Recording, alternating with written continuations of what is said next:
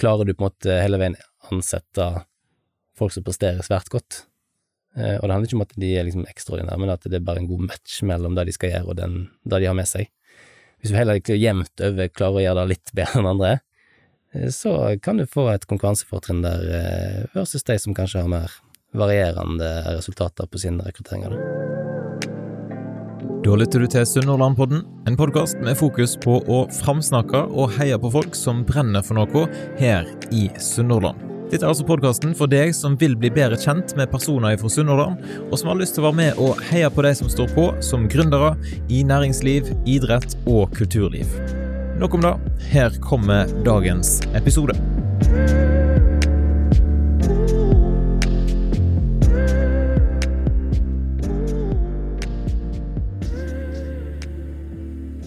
Han har sjøl flytta tilbake til Sunnhordland. Nå jobber han som partner i Human, og bistår bedrifter i å rekruttere ledere og nøkkelpersoner. I denne episoden her så deler han noen gode tips både til deg som skal rekruttere nye medarbeidere, og til deg som skal søke på en aktuell jobb. Velkommen til Sunnhordlandpodden, Edvard eh, Tormosæter. Jo, takk for det, Kjetil. Takk for invitasjonen til å eh, bli med. Det er jo sånn fint å se eh, ja, jeg syns det. Jeg syns det er fint å se den eh, posisjonen som du har tatt og fått med å framsnakke mennesker og initiativ i Sørlandsregionen, så det er jo en ære å få delta. Innledningsvis, det som er temaet i dag, går jo på rekruttering, og da lurer jeg på hva er det viktigste rådet ditt til bedrifter i Sunnhordland som ønsker å rekruttere nye? Ja, jeg kan nok eh, falle for fristelsen og liksom begynne å si noen sånn faglige ting om rekrutteringsprosesser, men jeg tror hvis en skal ha et generelt råd til bedriften i Sunnhordland i dag, så tror jeg det handler egentlig om å rette ryggen og ta et eh, steg fram. Eh, være frimodige og sånn ambisiøse på vegne av det som, som, er her, både i den enkelte bedrift og i regionen. Det er en, det er en attraktiv plass å bo, en attraktiv plass å, å jobbe. Det er et spennende næringsliv og arbeidsmarked. Eh, sånn at jeg tenker liksom rådet det er sånn rett ryggen, være ambisiøs. Eh, her er det mye bra å invitere folk til. Vi skal snakke mer om rekruttering og jobbsøking og tips til ledere etter kort, men først er det jo kjekt om folk eh, som lytter får bli litt bedre kjent med, med deg. Så hvem er egentlig Edvard eh, Tormosæter? Ja, si det, Kjetil. Jeg er i hvert fall blitt eh, 36 år, blir 37 et år her. Um, gift med Hanne Charlotte, som da er fra Stord. Har to jenter, ei eh, på ti og ei på sju. Ja, bor på Høstad, fotballinteressert, eh, glad i, eh, i livet, ja, jeg vet ikke hva, hva vil du vite? Du kan for eksempel fortelle om når du sto på scenen med Carpe Diem. Ja, det har jeg nevnt for deg, ja. Det, det var faktisk slik at vi var ei, et, ei gruppe på Halsnøy i, i ungdomsårene som deltok på Ungdommens kulturmønstring.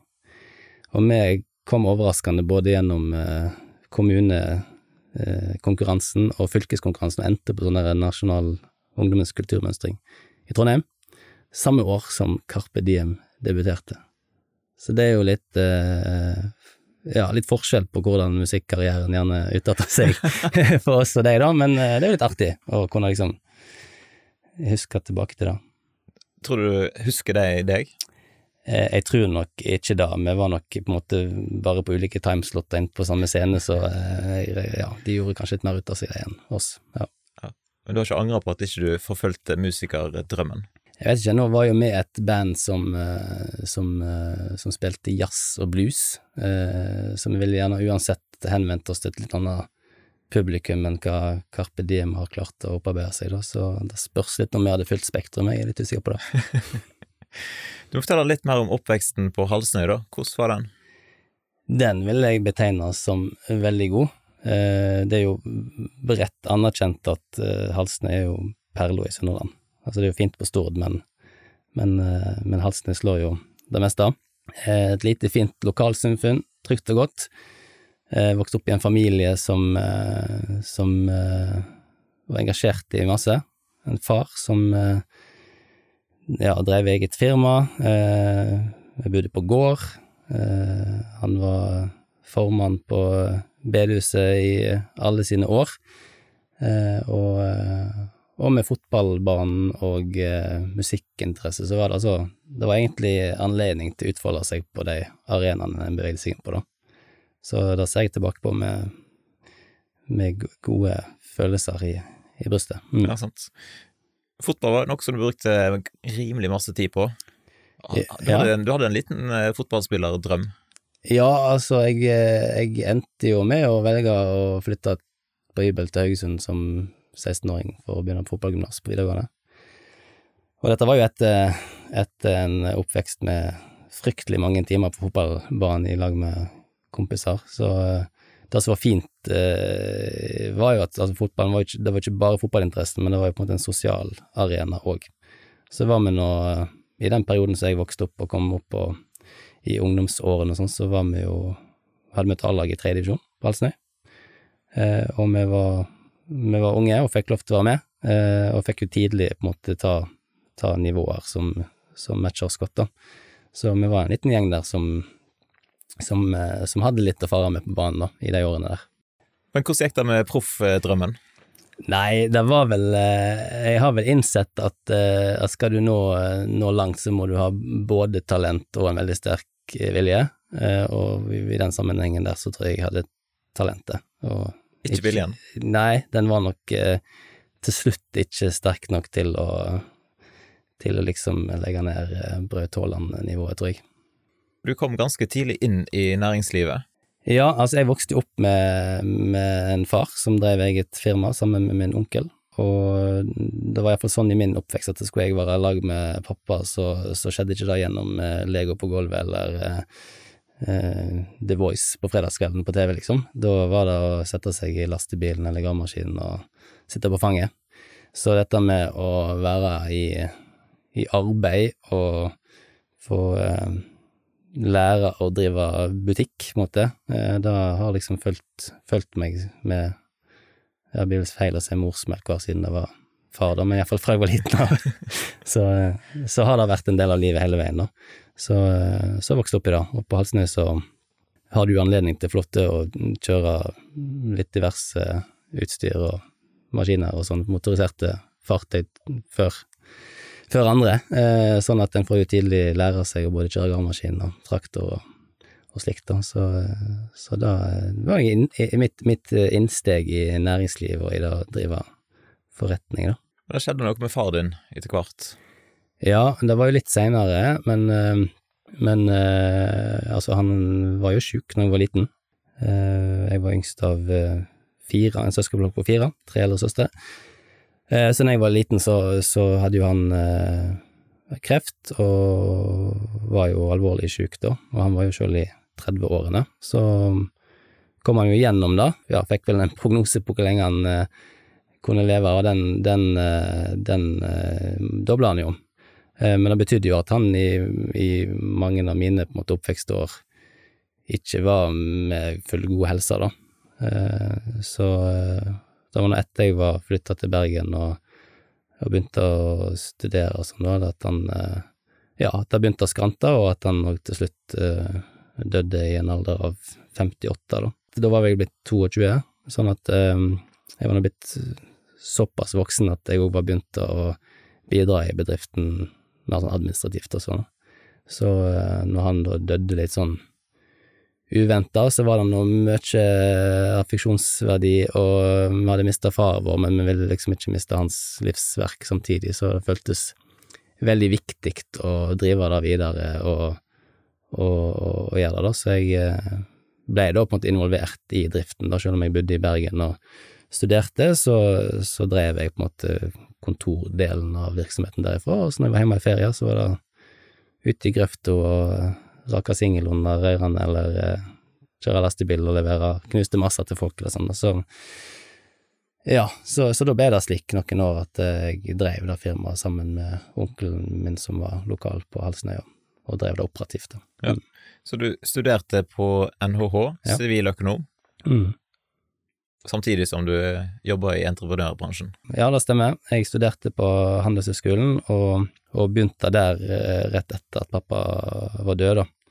Eh, da ønsket jeg å ta utdannelse og, og eh, ja, få en formell kompetanse. Eh, og så var det da sånn når jeg kjørte det ut til, til Eidsvåg på Handelshøyskolen på morgenen, så snakket jeg med onkelen min i, i telefon og, og planla dagen, og i en forelesningspause så ringte jeg kanskje og bestilte noen rør til ei tomt, og så, og så var det liksom på ettermiddagen, da var det fakturering og regning av tilbud, og så det var jo eh, Ja, det var litt spesielt da, jeg tror jeg på en måte jeg har nok på en måte kanskje tidligere enn en andre på en måte hatt uh, reelt ansvar, da. Uh, mange av mine medstudenter hadde sin første på en måte erfaring med ledelse i studentforening og i, i arrangementer, og, og, mye spennende som skjedde på campus på en måte på Handelshøyskolen, mens, uh, mens jeg drev da på en måte en bedrift, på å si. Så ja, det er jo litt spesielt å se tilbake på, men, men det har jo gitt en del erfaring, da. Ja. er klart. Men hvordan tror du det preger deg å miste far din såpass tidlig, og måtte gå inn eh, og ta ansvar?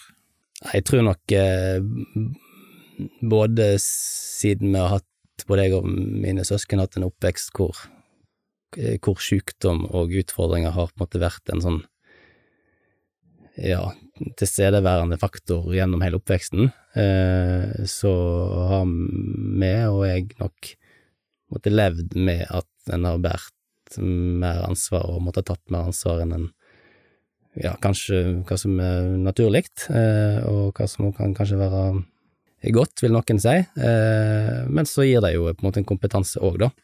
Så det har sikkert vært med å forme min person litt det siden jeg har i dag, som handler om at jeg nok som regel tar ansvar der jeg kommer, og jeg har nok vanskelig for å, å se at ting som kan forbedres eller gjøres noe med, da, uten å gjøre noe med det eller påpeke det, iallfall. ja. Sånn er det. Du har òg studert eh, teknologiendring og samfunnsutvikling på NTNU ja. i Trondheim. Da var de seinere, ikke samtidig med Ja, det var faktisk etter et, jeg begynte i Human. Eh, så det meg og Altså, vi har jo lenge sett at uh, teknologiutvikling henger, ja, henger sammen med samfunnsendring, sånn som så det faget har som tittel, da. Så vi var to eh, kollegaer som, eh, som, ønst, altså som tenkte at nå er dette et så stort tema blant våre kunder at vi må forstå hva som skjer. Skal vi være gode rådgivere, så må vi òg ha denne kompetansen. Så da tok vi et, et fag på NTNU eh, som var veldig interessant, og som ga på en måte en sånn basic forståelse for både megatrendene i samfunnet og ja, hva, skjer, hva, som skjer i organisasjoner, og hva som skjer knytta til enkeltpersoners arbeidssituasjon og sånn, gjennom teknologiutvikling og samfunnsendringer. Hva vil du si var det viktigste du lærte?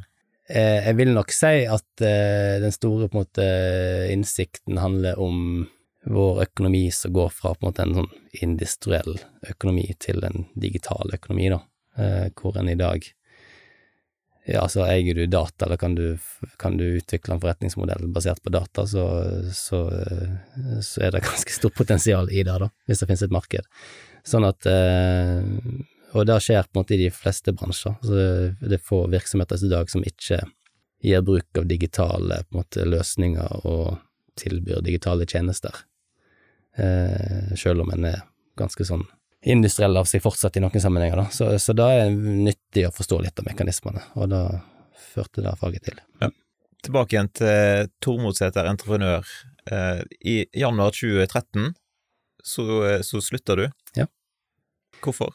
Da eh, hadde jeg jo vært med og drevet det firmaet i fire-fem år, og det var nok blitt litt sikkert at eh, ja, det er jo noe med Når pappa døde og sånn, så var det veldig viktig for oss å opprettholde hans eh, livsverk og min onkels livsverk. De hadde jo drevet dette siden 1968, så da var vi jo allerede runda 40-årsjubileet. Eh, og så ble det sånn når årene gikk og jeg bodde i Bergen og sånn, så var det på en måte Det, det var på en måte ikke min framtid å drive dette firmaet, sjøl om det var pappa sitt livsverk og min onkel sitt livsverk. Så da fikk meg en veldig god løsning med min onkel, som overtok og som har drevet firmaet videre, og som fortsatt driver det i dag. Og nå er det mitt søskenbarn Øystein, som er toneangivende, og som er i front, eh, og som driver det, og, og eh, selskapet går som aldri før. Hvordan føles det? Nei, jeg tenker jo at det da fint kunne ha skjedd eh, uten min involvering, men eh, det er jo stas. Det er jo et selskap som, eh, som eh, nå har eksistert over 50 år eh, på Halsnøy. Eh, og eh, hvis du lurer på hvor, det, hvor grøftene går på, på Halsnøy, så kan du ringe til min onkel, han, eh, han vet det, for det er sånn. Eh, og ja, og så, så det er jo veldig kjekt for oss som måtte ha vokst opp med dette, at uh, firmaet fortsatt er i i drift, og at det fortsatt er i familien, uh, og bærer nå navnet Tormodseter Entreprenør, da. Så, uh, og ser at det er i veldig gode hender. Hvor gikk veien videre i arbeidslivet, da, for din del? Eh, nei, jeg eh, har vel en tendens til å ha litt mange jern i ilden, så jeg var vel allerede da, parallelt med Tormoset Entreprenør, begynt å bidra litt inn i gründerbedriften til min svoger eh, Frode Gandrud, eh, storebror til min fru. Han hadde starta egen bedrift innenfor byggautomasjon, eh, altså energistyring av næringsbygg og formålsbygg og slikt. Utvikla noen egne produkter, eh, tatt en del utenlandske produsenter sine marked, eh, merker til Norge, og importerte og, og eh, tilbød på en måte både produkter og rådgivning forbi energistyring. da. Så da var han kommet ifra måte garasjen til kontor, da, i sin utvikling, og var nå smart nok til å skjønne at han trengte noen andre kompetanser inn i selskapet sitt. Så når jeg eh, da begynte siste år på master, og hadde vært et utvekslingsår i Sydney som en del av det, eh, så tilbød han meg rollen som daglig leder. Så fra siste året på Altså parallelt med master, da, og, og årene etterpå, så var jeg da daglig leder i, i Function, og fikk være med på en reise der. Eh, Vi dobla oss vel i omsetning i den perioden, og eh, ble gasellebedrift og fikk oppleve masse spennende, og altså det er jo ja, jeg har jo tenkt på det mange ganger, da. Altså, jeg tror det var en komponent at det var min svoger som var gründer. At han måtte måte satsa på en uh, nyutdanna student fra Handelshøyskolen som daglig leder. Jeg har liksom lurt på mange ganger hvem andre som hadde ansatt meg som daglig leder da. Eh, men utrolig takknemlig for tilliten og muligheten, da, og lærte jo enormt masse på de årene. Eh, så, så det er jeg veldig glad for. Hvordan går det med den bedriften nå i dag, da, Functions?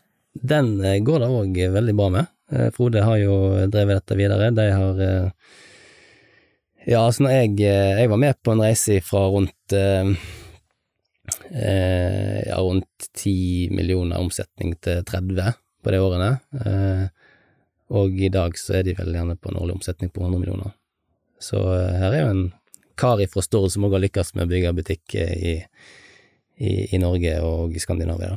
Så det er veldig stilig å se. Absolutt. Og i 2017 så begynte du i, det selskapet som eh, du jobber i nå, som heter Human AS. Eller Human. Er det Human, eller er det Human? Altså, det er kjært barn har mange navn, som de sier. Eh, vi, lar nok, vi lar nok kunder få uttale eh, vårt forretningsnavn sånn som de vil. Sjøl så sier vi human. En, en liten sånn, ikke fullt ut engelsk, men ganske engelsk. ja. Hva kommer det av?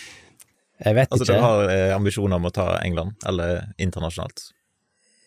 Ja, altså det er nok ikke på tegnebrettet, men, men eh, det er nok ikke umulig at det kan være hensiktsmessig å ha et eh, internasjonal versjon av eh, forretningsnavnet sitt på et tidspunkt. Lurt. Men hva fikk deg inn i da rekrutteringsbransjen? Eller jeg har jo lyst til å kalle deg for hodejeger, men eh, Ja, du, du har lyst til det. Jeg eh, for jeg har sett en kul TV-serie på TV 2. Ja, det er jo det, Altså, det ser jo veldig kult ut å være hodejeger.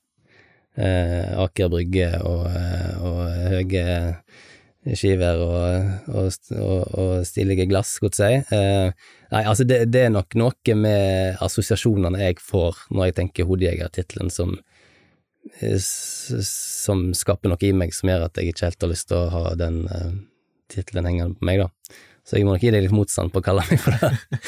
Men hva kaller du deg sjøl, da? Jeg kaller meg for en rådgiver.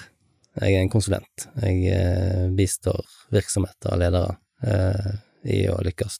Eh, og eh, opplever at det da innebærer ganske mye mer enn å jakte hoder, som blir litt sånn Det blir litt overfladisk for meg, altså. Bare innrømme det. Eh, så ja. Ok, Men hva var det som gjorde at du gikk inn i da rekrutterings- eller konsulentbransjen? Eh, det var kanskje likt eh, Som jeg sa i stad, så, så, innså jeg at eh, Tormod entreprenør var på en måte livsverket til min far og min onkel. Så fikk jeg eh, utrolig masse læring i, i function med min svoger sin baby. Eh, så kjente jeg vel kanskje etter hvert at eh, jeg var jo ganske ung fortsatt, og, eh, og det var jo stas og utrolig utviklende å få være leder. Eh, men jeg kunne på en måte ikke bidra, jeg hadde ikke kompetanse på bygge automasjon. jeg kunne ikke noen ting om, om det vi faktisk drev med eh, som gjorde at jeg kom til kort i møte med kunder, og, og der på en måte businessen virkelig skjedde, da.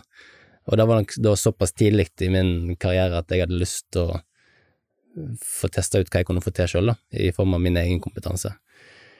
Så ble jeg jo kjent med, med, med flere av de som jobba i Human da, eh, og ja, litt eh, Fikk god relasjon der, eh, og gode vennskap og slik, og på et tidspunkt så så ble det på en måte en eh, naturlig åpning hvor, for å gjøre et skifte uh, fra, fra, ledelse i, i og automasjonsverden til uh, å bli konsulent. og prøve å selge og skape ting ut ifra min egen person og min egen kompetanse, da. Så det var et visst steg å ta, da, men det var begrunnelsen. ja. og i dag så leder du avdelingen i Bergen. Ja og du bor på Stord, så da, hvordan funker det å bo på Stord og eh, være leder i Bergen? Ja, altså vi har jo eh, Vi bodde jo i Bergen i ja, eh, rundt 15 år, meg og fru. Så vi flytta jo tilbake til Stord i 2020, så vi var litt sånne pandemiflyttere, skal vi si. Eh, så var det jo eh, Det var jo da spent på en måte på Ja, vi bestemte oss for å flytte til Stord, men hva med jobb, på en måte? Eh, og i samspill med, med ledelsen i Human og sånn, så, så, så vi jo da at dette kunne jo fungere om jeg var villig til å reise. Eh, og da gikk vi inn på. Så jeg har jo fortsatt å reise mye til Bergen, og har jo på en måte bygd meg opp på en måte med både kunder og nettverk og slik i Bergen, så det har på en måte vært naturlig å hatt fokuset mitt den veien, sjøl om jeg flytta til Stord, I tillegg så kom det jo en pandemi som åpna eh, videoen for oss. Eh, så da gjorde det jo nokså enkelt å være en del på Stord òg. Eh, så jeg har hatt hjemmekontor i noen dager i uka, og vært på reise og vært i Bergen i andre dager. Og det har fungert godt. Litt trøttende hvis det blir mange dager en reise, både for meg og for de andre i heimen. Men men det har fungert godt, eh, det har det, med godt hjelp av videoen. Så er det veldig greit med den nye tunnelen som har kommet fra Os. Den er veldig kjekk, eh, så hvis vi i tillegg får erstatta ferja med bru, så eh, Før du er pensjonist, ja, helst? Da, jeg tenker at det da må jo skje nokså snart, jeg, men brua. Men jeg innser det. det. Vi får håpe, før jeg blir pensjonist. Absolutt. Men du har flytta ut litt fra hjemmekontoret? Ja, det har vært fint å være på hjemmekontor, men nå har eh, jeg fått et uh, utekontor, skal vi si. Et, jeg har fått et krypinn hos, uh, i Aten hos et uh, kontormiljø, da. Så fra nyttår av nå så har jeg et kontor der. Jeg har tilgang til deres fasiliteter. Vi har jo, vi har jo en god del aktivitet på, på Stord og i Sunnhordland òg, sånn at det er egentlig veldig bra å ha egne fasiliteter her, da, gjennom Aten og sitt miljø. Og, ja, så jeg har eh, opplevd det veldig fint å kunne gå ute om morgenen og komme hjem fra jobb på ettermiddagen, og ha litt større avstand mellom tastaturet og potetene enn eh, jeg har hatt de siste årene. Da. Ja. Jeg ser den. Det gjør liksom noe med Skal jeg si det så stort som opplevelsen av livet. Vi har snakket en del om, om da Human. Ja. Du må fortelle litt om hva er det egentlig dere jobber med? Eh, vi har jo en fin visjon som handler om å gjøre virksomheter bedre. Eh, og en visjon det er jo noe som en lever i og for og av, på en måte som en kan stå opp hver dag og fortsatt tenke at dette har ikke jeg oppnådd. Så den er jo ganske enkel, men samtidig hvis en tenker over den, så er den ganske stor. Altså da gjøre virksomheter bedre. Det er ganske, ganske stort. Eh, for å snevre det litt mer inn, så handler det for oss om menneskene i organisasjonene, da.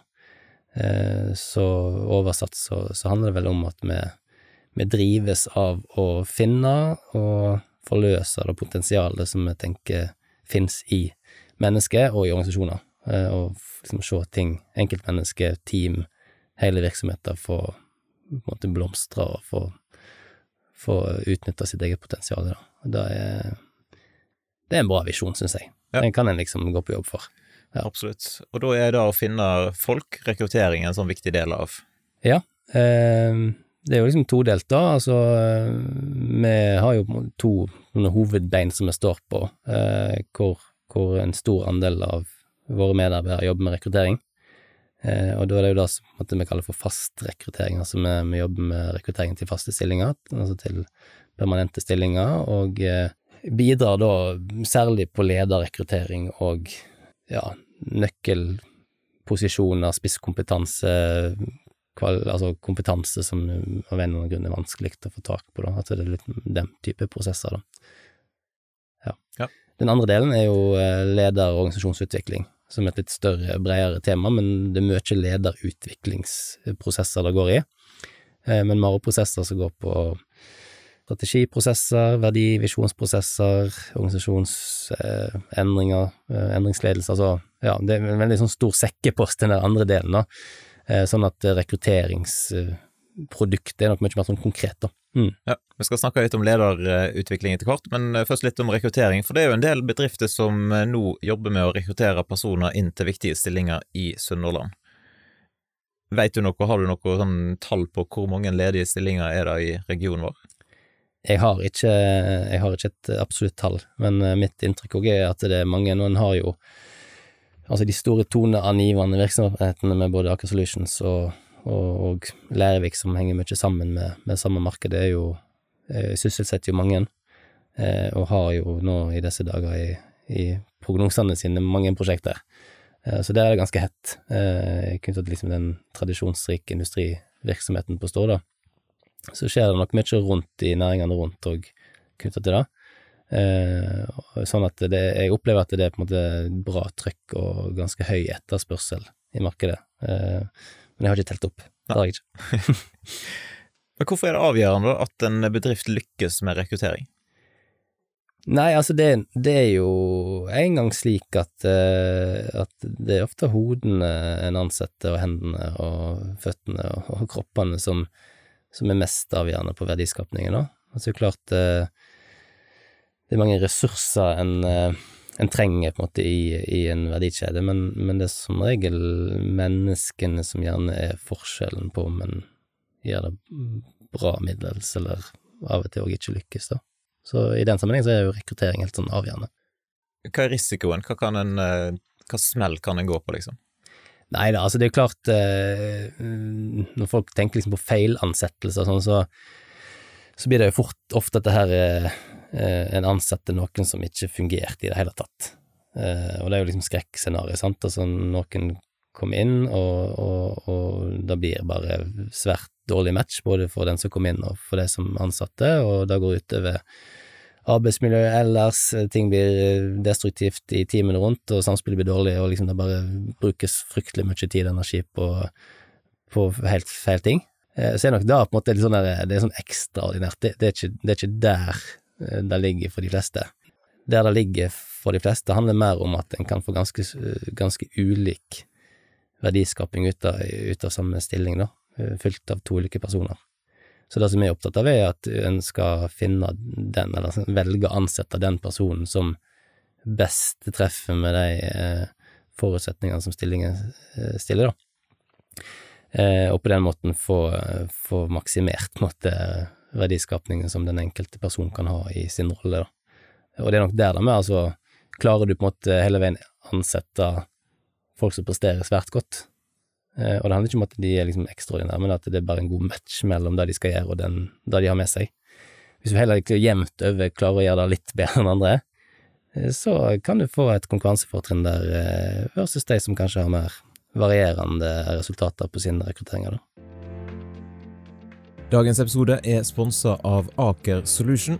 Det er spennende tider i hjørnesteinen på Stord, med store investeringer i menneske, teknologi og anlegg. Verksemda skal i året framover gjennomføre store og kompliserte energiprosjekt til både tradisjonelle og fornybare næringer, og er nå på jakt etter 150 nye medarbeidere til Verksemda på Stord.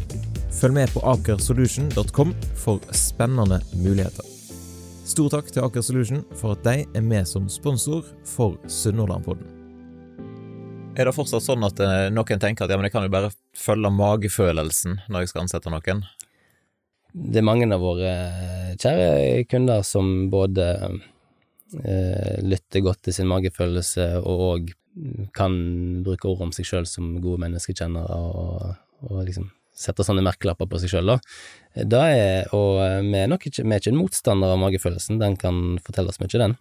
Men eh, det er akkurat nøkkelen er nettopp da, da, altså hva er det den forteller deg? Eh, var det middagen fra i går som fortsatt ligger der, eller, uh, eller er det en eller annen reell en måte, observasjon som en faktisk ja, som en faktisk kan finne igjen i møte med vurderingen av en kandidat, da. Det er et viktig spørsmål. Magefølelsen i seg sjøl er litt mer sånn vanskelig størrelse å, å validere. Så det er ikke kun magefølelsen du jobber ut ifra? Nei, vi legger nok lista ganske høyt for å, for å bruke andre vurderingsmetoder enn magefølelsen, da. Ja. Er det blitt mer vanlig å benytte rekrutteringsselskap sånn de siste ti åra? Ja, jeg tenker da, eh, da tenker jeg eh, Jeg tror nok altså, nå har jo jeg hva si, bare drevet med dette i seks år, selv om det er jo noen år da, da. Jeg tenker nok at når jeg eh, begynte med kundemøter og sånn, jeg var sånn fersk konsulent og skulle ut og finne noen som kunne kjøpe tjenesten jeg tilbudet, så, så opplevde jeg at kundedialogen på den, altså bare for noen år siden, gikk mer på å argumentere for hvorfor bruker rekrutteringsbyrå, mens i dag så føler jeg spørsmålet mer sånn hvem skal de bruke, eh, og at vi ofte ja, når vi ofte for vår del, når vi får et, en, en, god relasjon og et godt eh, ja, et godt samspill med en kunde, så blir vi ofte med de veldig lenge, og vi blir på en måte en slags forlenga arm av organisasjonen deres, da, eh, med en spisskompetanse. Du må fortelle litt om hvordan dere jobber, da, når dere skal finne rett kandidat til rett stilling. Hvordan ser det ut? Der er det nok eh, ekstremt eh, viktig med innsteget, da. Altså, vi skal jo gjøre gode vurderinger og gi gode råd til vår oppdragsgiver inn i deres prosess, inn i deres beslutning, inn i deres tenkning rundt, rundt hvem de skal rekruttere, og i dag så er det nok veldig viktig for oss å få innsikt og bli kjent og forstå organisasjonen og businessen deres, da. Eh, og gjennom det på en måte både kunne svare ut og representere kunden på en kompetent måte i møte med kandidater, kandidater sine spørsmål, men òg i, i, de rådene og i, i vurderingen av kandidatene som blir en del av prosessen. Da. Så, så er det det med innsteget hvor, hvor vi bruker tid på å bli kjent med organisasjonen og, og forstå innsida av virksomheten og de utfordringene de har, og de ja, ressursene og de, ja, det, det unike som finnes i den organisasjonen. Når dere har fått et bilde av hva de trenger, hva er neste steg? Ja, der tror jeg Jeg håper at vi klarer å bidra eh, til et, et, viktig eh, startpunkt i en rekrutteringsprosess som, som jeg tror en del tar litt for lett på. Eh, og det handler på en måte om å definere stillingsprofilen, da. Der har du det der sitatet som sier at eh, uten, uten mål fører alle veier fram.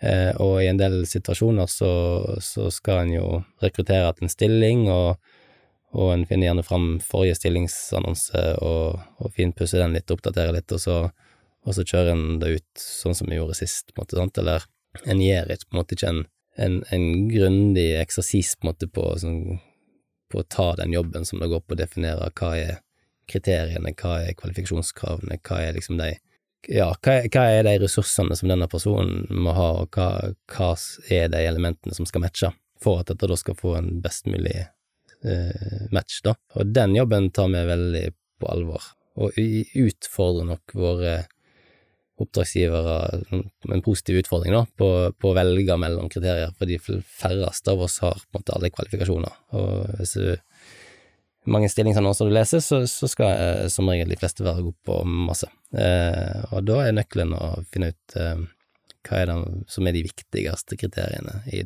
til nettopp denne prosessen denne gangen. Og da vil nok se ulikt ut ifra gang til gang. Mm, ja. Det er viktig. Så vet jeg at når dere eh, henter inn kandidater, så kjører du en del ulike tester på dem. Mm. Du må fortelle litt om hvordan det funker.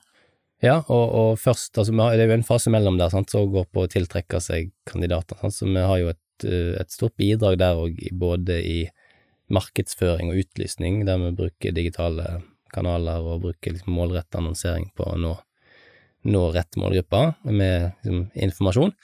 Eh, og så gjør vi dette med som du kaller hodeegerelementet, da, altså aktivt søk, og da med å uh, identifisere og finne og invitere kandidater til dialog, da. Så det er jo et sånt element som, som oppdragsgiver ikke kan gjøre sjøl. Så da får de jo på en måte ikke uten at en inviterer noen eksterne inn, da.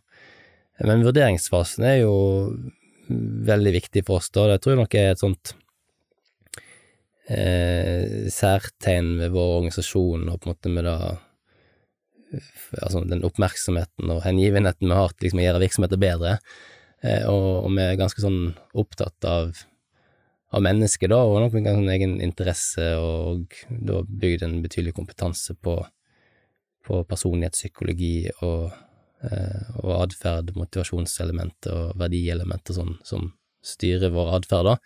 Eh, så der legger jeg nok med ganske mye fokus i prosessen, og mye ressurser som går til selve vurderingsfasen, da. Og i dette da så ligger jo òg de arbeidspsykologiske testverktøyene som en, en del av vår metodikk. Hmm. Ja, og Dere snakker om evidensbasert intervjuteknikk. Hva ja. i all verden er det for noe? Nei, evidensbasert det handler vel om at det er forskningsbasert metodikk, da. Det er jo faktisk sånn at uh, Altså, dette lærte ikke jeg på Handelshøyskolen, da, da hadde jeg ikke så mye oppmerksomhet på det, men jeg har lært det etterpå. Men det finnes jo fryktelig mye forskning på, på rekrutteringsmetodikk, og eh, hvilke metoder en kan benytte for å få en høyest mulig prediksjonsvaliditet i vurderingen. Det var et veldig fint ord. Veldig fint ord. Det handler jo egentlig om hvor, hvor treffsikker en er i vurderingen. Uh, og, og, der er det jo ingen metoder som, som har på en måte en uh, verdi på én. Altså det er ingen metoder en kan bruke som nøyaktig forutsier hvordan en rekruttering kommer til å og blir en vurdering av et menneske kommet ut etter seg noen måneder senere når vedkommende har begynt jobben. Men det gjelder jo å få den verdien til å bli høyest mulig, da. Og der er liksom den derre baseline der, da, er jo eh, å gå fra å møte opp i et intervju uforberedt og ha kikka så vidt på CV-en til noen og tenke at dette her mestrer jeg når kandidaten kommer inn døra, til at en faktisk da tar i bruk struktur eh, og objektivitet, at en utarbeider intervjuguide Eh, planlegge innholdet i intervjuet og lage det basert på da den stillingsprofilen som en utarbeider helt i starten av prosessen. Og så vurderer en å hente ut informasjon om kandidatene basert på det som en faktisk skal vite noe om, da. Eh, og det er jo igjen at når ikke en har gjort den jobben, så, så får du elementet Hvis du da er to stykk som intervjuer en kandidat, så vil ofte de to personene kunne vektlegge helt vidt forskjellige ting ut ifra egne assosiasjoner og egne tanker om hva som er viktig inn i stillingen. Eh, og de, de, ulike perspektivene er veldig nyttig å avklare før en møter kandidaten. Men hvor treffsikre er dere da? Treffer dere alltid i blink? Ja, vi treffer alltid. Nei, eh, altså vi, vi er jo ikke det. Eh, det er en stor usikkerhetsfaktor i møte med et menneske, eh, og jeg tenker nok at vi skal ta på alvor at det du møter i et annet menneske i eh, forholdsvis få timer i en rekrutteringsprosess, da er på ingen måte i nærheten av å kunne vite alt om vedkommende. Og ofte så har jo òg eh, kunden på en måte feila i eh, å tilsynelatende gi forventninger eller skape et bilde av en stilling eller en, et arbeidsmiljø eller en arbeidshverdag som kandidaten ikke erfarer når den kommer på plass i stillingen. Eh, sånn at det er klart at i, våre prosesser så er det uh, tider der en må erkjenne at her uh, traff en ikke godt nok. Her gikk ikke ting sånn som en ønsket. Men uh, vet ikke jeg, hvis du hadde spurt våre oppdragsgivere, så tror jeg de fleste er ganske fornøyd. Ja. ja. Det var ikke noe sånn prosent... Uh Nei, det finnes ikke en prosent. Vi har jo en, eh, en garanti da, i, i, alle våre oppdragsavtaler om at uh, hvis, hvis en, en, anbefalt kandidat for oss slutter innen de første seks månedene i stillingen, eller må fratre av grunner som vi ikke, vi ikke klart å identifisere eller eh, finne, så, så, tar vi prosessen på nytt uten vederlag, da. Uh, og det er jo en det er jo en, en, fin ting å ha i en oppdragsavtale. Det er, jo, det er jo ingen som ønsker å komme der. Altså, vår oppdragsgiver har tapt mye den hvis, hvis den må ta i bruk den garantien, men det er iallfall et signal på at vi gjør det vi kan, da, for å sikre at den anbefalingen vi gir, treffer før ansettelse. Er det sånn at eh, dere er ferdig med jobben når personen er tilsatt, eller bidrar dere òg da på, på, onboarding, eller hva Fins det et godt norsk ord for det, forresten? Eh, nei, onboarding tror jeg er blitt et godt norsk ord. Eh, så, eh, så, det er nok da òg de fleste nordmenn Ja, jeg kommer ikke på hva den norske versjonen skulle vært her og nå, men nei, onboarding er nok det vi omtaler det som, òg på norsk. Eh, vårt formelle ansvar eh, da utgår på en måte ved tilsettelse, altså da har vi på en måte gjort vårt oppdrag, men siden vi òg jobber med lederutvikling og har stor oppmerksomhet rundt lederskap, så, så har vi òg valgt å, å tilby oppdragsgiver at vi følger kandidaten gjennom det første året i stillingen. Da. Og da har vi noen sånne avtalte treffpunkt som er litt sånn tidsmessig fordelt på det året, hvor vi sjekker inn med kandidaten og med vår oppdragsgiver, og liksom lytter ut på hvordan dette går, og hvordan en har det, og om det er ting som en kan bidra til å justere. Da. Og det handler litt om å ta, ansvar. Og så er det ofte slik at eh, kundene som bruker oss på rekruttering, de bruker oss òg i lederutvikling, så vi får ofte ganske sånn bredt inngrep med organisasjonene som vi jobber med, da og får da gjerne både bidra med rekruttering og med lederutvikling eller andre på en måte kompetansehevende program da, i, i organisasjonen. Så vi, ja, så vi snakker som regel med kundene våre jevnlig òg etter tilsettelse av en kandidat. Da. Du har snakket litt om hvordan bedrifter jobber med rekruttering, men har du noen tips til de som nå er ute etter en ny jobb? Ja, de er jo en vesentlig del av prosessen, de òg, altså kandidatene. Å bruke et sånt samlebegrep på en Det eh, høres ut som en sånn masse av Eh, ja, en sånn masse. Men det er jo enkeltmennesker det er snakk om, eh, og, og, vi vet på en måte hvor viktig arbeid er for folk. Eh, det har både med fysisk og mental helse å gjøre, og det har med økonomi å gjøre, og går i veldig stort en stor del av livet vårt, så, så vi er absolutt opptatt av kandidatene og disse menneskene på en måte som vi bruker hverdagene våre på å være i lag med. og jeg tenker sånn, Hvis en skal inn på sånne tips og triks i forbindelse med rekrutteringsprosess og sånn, så tror jeg på en måte det er så enkelt som at eh, en må gjøre jobben med å sette seg inn i, i hva det er en søker på. Eh, og jeg leser jo mange sine søknader, og det er jo dessverre sånn at det går jo igjen at folk har glemt å redigere eh, bedriftsnavnet på forrige søknaden de sendte, så jeg finner det, skal vi si. Eh, og, og disse her hyggelige eh, åpningssetningene som er sånn her eh, eh, Jeg ble så utrolig glad når jeg fant akkurat denne stillinga. så liksom der, litt sånn cheesy setninger så i innsteget på et søknadsbrev som, som en har nok litt vanskelig for å ta på alvor når en uh, leser, da. Så, så, jeg tenker her handler det om at uh, en må gjøre jobben. Uh, en, må, en, må, lese seg opp på virksomheten, en må lese seg opp på bransjen, hvis en ikke kjenner bransjen fra før. En må sette seg inn, for det blir veldig fort plukka fra hverandre hvis du kommer på intervju og, og, ikke forstår hva det er du har søkt på. Da, så, så, det er nok et sånt eh, element. Altså, les deg opp, eh, prøv å forstå. Eh, og mange er jo blitt mye flinkere med å kommunisere rundt stillingene og gi informasjon. Og, og det finnes gode nettsider, så, så liksom leste jeg opp, og kom forberedt til intervju. Det, det er sånn hovedråd altså, til, til, kandidatene, eller til menneskene som søker jobb. Hvis en syns at det høres veldig skummelt ut med disse her testene som du kjører, mm. bør en liksom eh, ta tilsvarende tester på nett, eller hva, hvordan forbereder en seg godt til ja. en sånn Der, fin, der finnes jo gratisversjoner eh, eh, tilgjengelig, sant, eh, som en kan øve seg på alle tester. Og så er det klart eh, Nå er kanskje jeg litt sånn opptatt av begreper og sånne, men det er klart, eh, jeg tror jo uttrykket test eh, signaliseres på en måte at her skal du settes på prøve. Eh, og da er på ingen måte intensjonen vår når vi sender en testlink til noen. Eh, vi bruker arbeidspsykologiske testverktøy som, som kartleggingsverktøy. Og skal du måle noe, noe vi prøver å gjøre i møte med menneskers personlighet og atferd, så må du ha et godt måleinstrument. Altså det er vanskelig å måle en meter uten en god meterstokk. Eh, og det er litt sånn i, i rekrutteringsprosessen at når vi gjør en vurdering, så, så bruker vi et godt verktøy. Eh, og der, der har vi disse testene. Så vi, vi bruker jo testene i en kontekst av et dybdeintervju, hvor vi både jobber eh, med det som kalles for et atferdsbasert intervju, hvor vi nettopp søker å kartlegge eh, kandidaten sin atferd på ulike atferdsområder. Og så ser vi på det samme med bruk av arbeidspsykologiske. Og der, eh, for vår del, der finnes det jo mange ting da, men vi bruker jo ja, iallfall på lederstillinger så bruker vi jo både test som måler generell intellektuell kapasitet, altså det som kalles for evnetest, som sier noe om evne til problemløsning, læring, da oppfatte essens i en situasjon, altså tilegne seg ny kunnskap, møte det nye ukjente, altså den type kapasiteter. Eh, så måler vi jo klassisk personlighet, altså klassiske tendenser i en persons atferd. Og vi har òg tester som måler potensiell risiko og atferd under stress og press.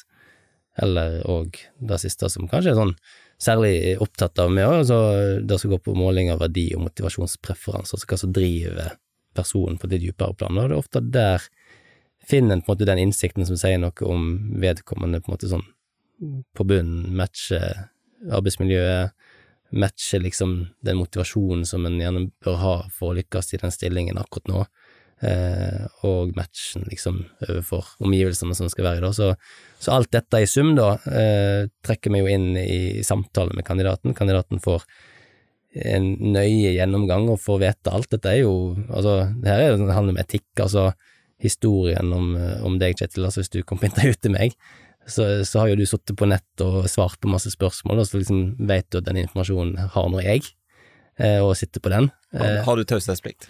Ja. Vi har konfidensialitet både i møte med vår kunde og i møte med vår kandidat, informasjon om kandidaten, og der er det jo GDPR-lovgivning og Eh, alt det der. Så, eh, så, det er noe vi er opptatt av, da. Så, men da er det liksom akkurat i det møtet med deg, da, der vi egentlig skal vurdere deg, så er det ekstremt viktig sånn, sånn et etisk perspektiv, da, å, å gi deg kjennskap til den informasjonen vi da bruker til å vurdere deg. Eh, og det er ganske viktig, og der òg er det dessverre sånn at en, en møter kandidater som har en annen erfaring fra en annen prosess, hvor det kanskje ikke var like klok bruk av verktøyene, og hvor en gjerne ble satt på noen testverktøy, og så ble en ikke invitert videre i prosessen, han hørte aldri noe mer heller. Og der eh, bør det ikke syndes, da. Altså, vi må behandle folk med respekt. Det, den ligger høyt.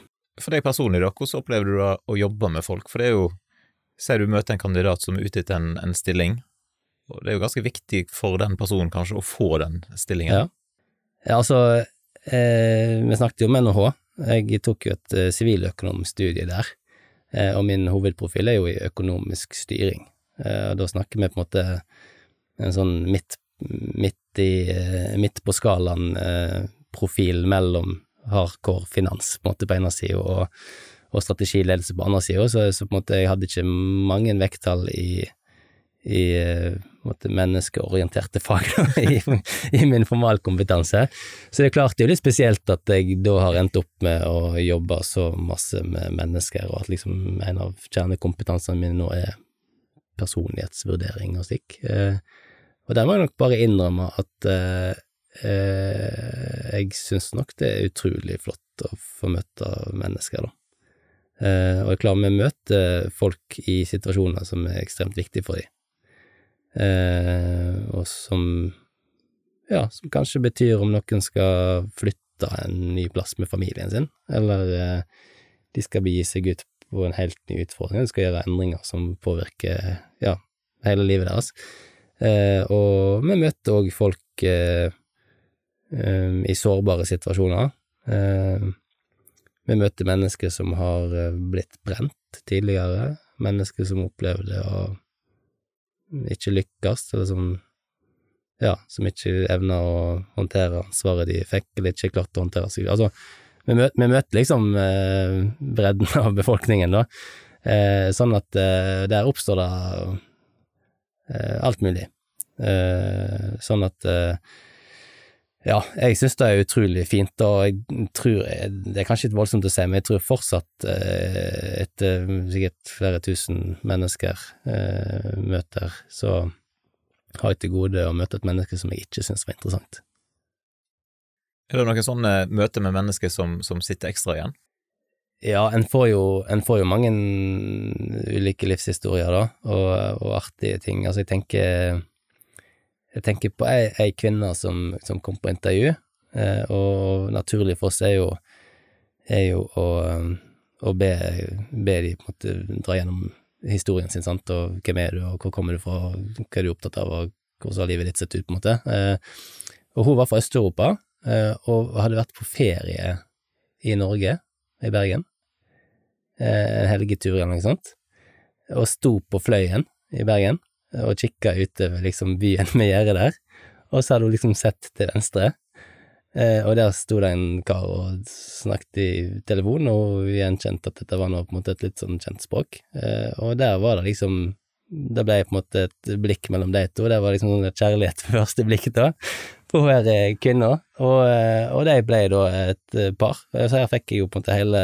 hele historien. Eh, og og sånn et tilfeldig møte mellom to østeuropeere på Fløyen, eh, utsiktspunktet i Bergen, ble da til at hun ble værende i Bergen, og eh, noen år senere kom på eh, Her kom det da et barn ganske kjapt og inn i bildet òg, og, og, hun slo seg til i, i, Bergen og ble værende, og, og, og fant lykken da gjennom et blikk på Fløyen, så det var jo en Her får en folk sine kjærlighetshistorier det meste, så det er jo artig ikke minst. Fikk hun jobben? Nei. det var eh, andre grunner. Ja.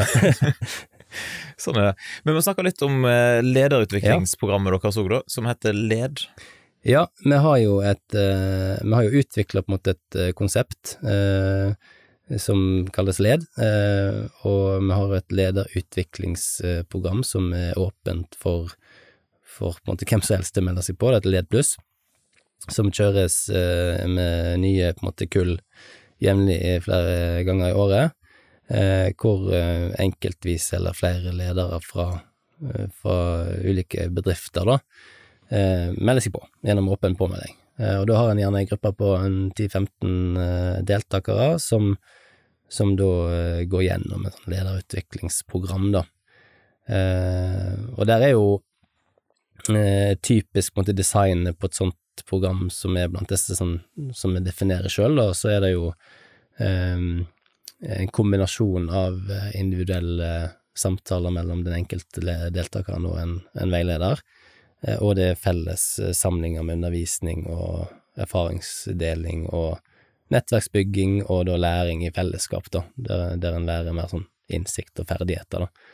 Altså jobben mer med sitt eget lederskap og, og sin egen person og sånn i den individuelle prosessen, da. Mm.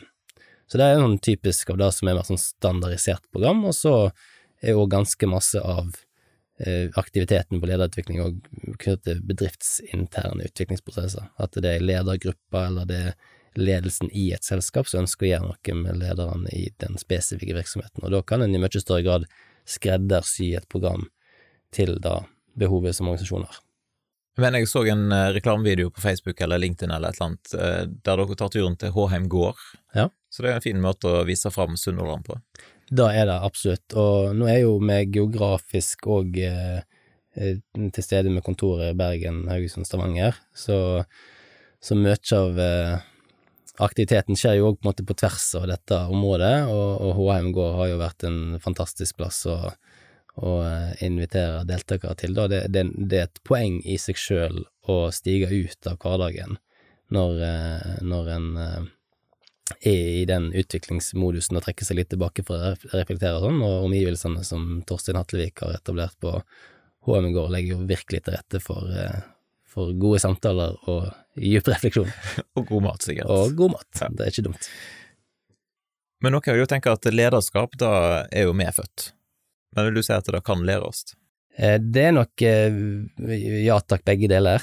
Eh, det er klart at det er noen medfødte egenskaper som, som, kan være et utgangspunkt for lederskap, men lederskap kan òg læres. Det som er en interessant ting, er at en kan sånn forskningsmessig i større grad si noe om noen bestemte personlighetstrekk og noen personlige forutsetninger som er til stede blant de kandidatene som blir ledere, altså som, som kommer til lederposisjoner, eh, som er noen andre trekk enn nødvendigvis de eh, eh, kvalifikasjonene eller de egenskapene som, som avgjør om en lykkes som leder. Og det er litt interessant, altså det er ikke nødvendigvis de som tar seg til lederposisjoner, som er de beste lederne. Og det er en ganske interessant fenomen òg når en jobber med både lederrekruttering, som jeg er mest av, da, og, og vi òg har lederutvikling i samme hus. Så, så kombinerer en litt disse to perspektivene.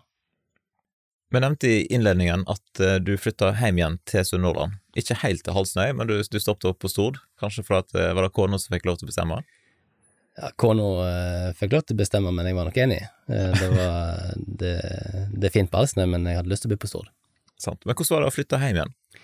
Det har vært udelt positivt. Eh, vi hadde jo et eh, rasjonale for å flytte, eh, og det har innfridd. Altså, vi, vi ønsket å komme tettere på venner som hadde flytta før.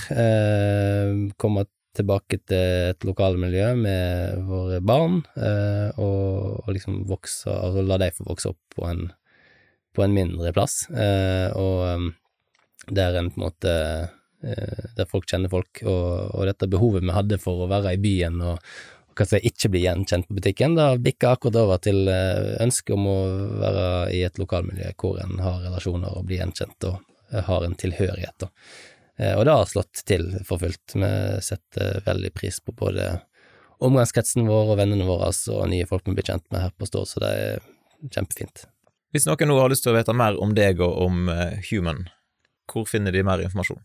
Nei, det raskeste er jo å besøke nettsida vår uh, på den store internetten, uh, human-as.no.